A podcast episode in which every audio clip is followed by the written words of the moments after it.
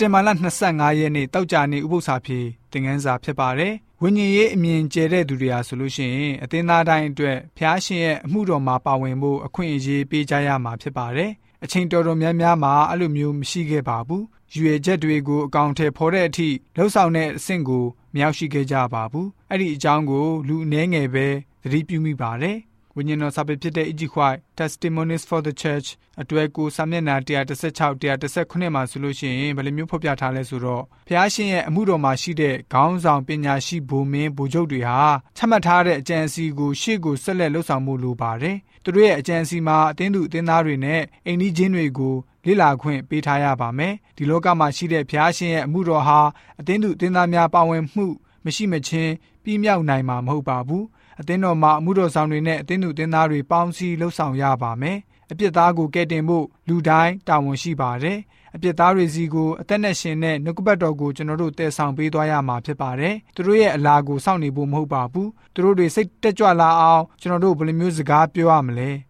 အခုအချိန်မှာအနှဲငယ်များသာချပေးတော်မူပါတယ်ကျွန်တော်တို့ထာဝရကဘာကြီးရဲ့နယ်နိမိတ်အစမှာထနေရပါတယ်ကျွန်တော်တို့လက်လွတ်ဆုံးရှုံးစေဖို့အချိန်မဟုတ်တော့ပါဘူး အချိန်တိုင်းနိုင်တိုင်းဟာရွှေလိုအဖိုးထိုက်တန်နေပါတယ်အားလုံးပေါင်းစည်းပြီးတော့အတူတကွတန်ဖိုးရှိစွာဆက်ကပ်ရမယ့်အချိန်ဖြစ်ပါတယ်။ဘုရားရှင်ထံတော်ကနေကရုဏာတော်နဲ့ခွန်အားကိုရယူပြီးတော့အမှုတော်မြတ်မှာဘယ်သူဟာတစ္ဆာရှိစွာလှုပ်ဆောင်ကြမလဲ။အသင်းတော်တိုင်းအတွက်စွမ်းရည်တွေရှိကြပါတယ်။မှန်ကန်တဲ့လှုပ်အားအားဖြင့်အသင်းတော်ကိုကူညီပြီးတော့ ဖျားရှင်ရဲ့အမှုတော်မှာကူညီကြပါအခုအချိန်မှာကျွန်တော်တို့ရဲ့အသင်းတော်မှာအမှန်လိုနေတဲ့အရာကတော့ကောင်းမွန်စွာလှုပ်ဆောင်ပြီးတော့အသင်းတော်ကိုတိဆောက်ပေးမဲ့သူတွေဖြစ်ပါတယ်မိမိတို့မှာရှိတဲ့စွမ်းရည်ကိုအသင်းတော်ရဲ့စွမ်းရည်အဖြစ်ပြောင်းလဲပစ်လိုက်ပါအဲ့ဒီစွမ်းရည်တွေကိုသခင်အမှုတော်အတွက်အသုံးပြုဖို့ပညာပေးသွန်သင်မှာဆိုပြီးတော့ဝိညာဉ်တော်စာပေဖော်ပြခြင်းအပြင်တောက်ကြနေဥပု္ပ္ပစာပြေသင်ငန်းစာကဖော်ပြပေးထားပါတယ်ဥပု္ပ္ပစာပြေသင်ငန်းစာ73ကတော့ဒီလောက်ပဲဖြစ်ပါတယ် ဥပု္ပ္ပစာဖြစ်အစီအစဉ်တစ်ဆက်သူကျွန်တော်ဆက်ဆောက်ပါ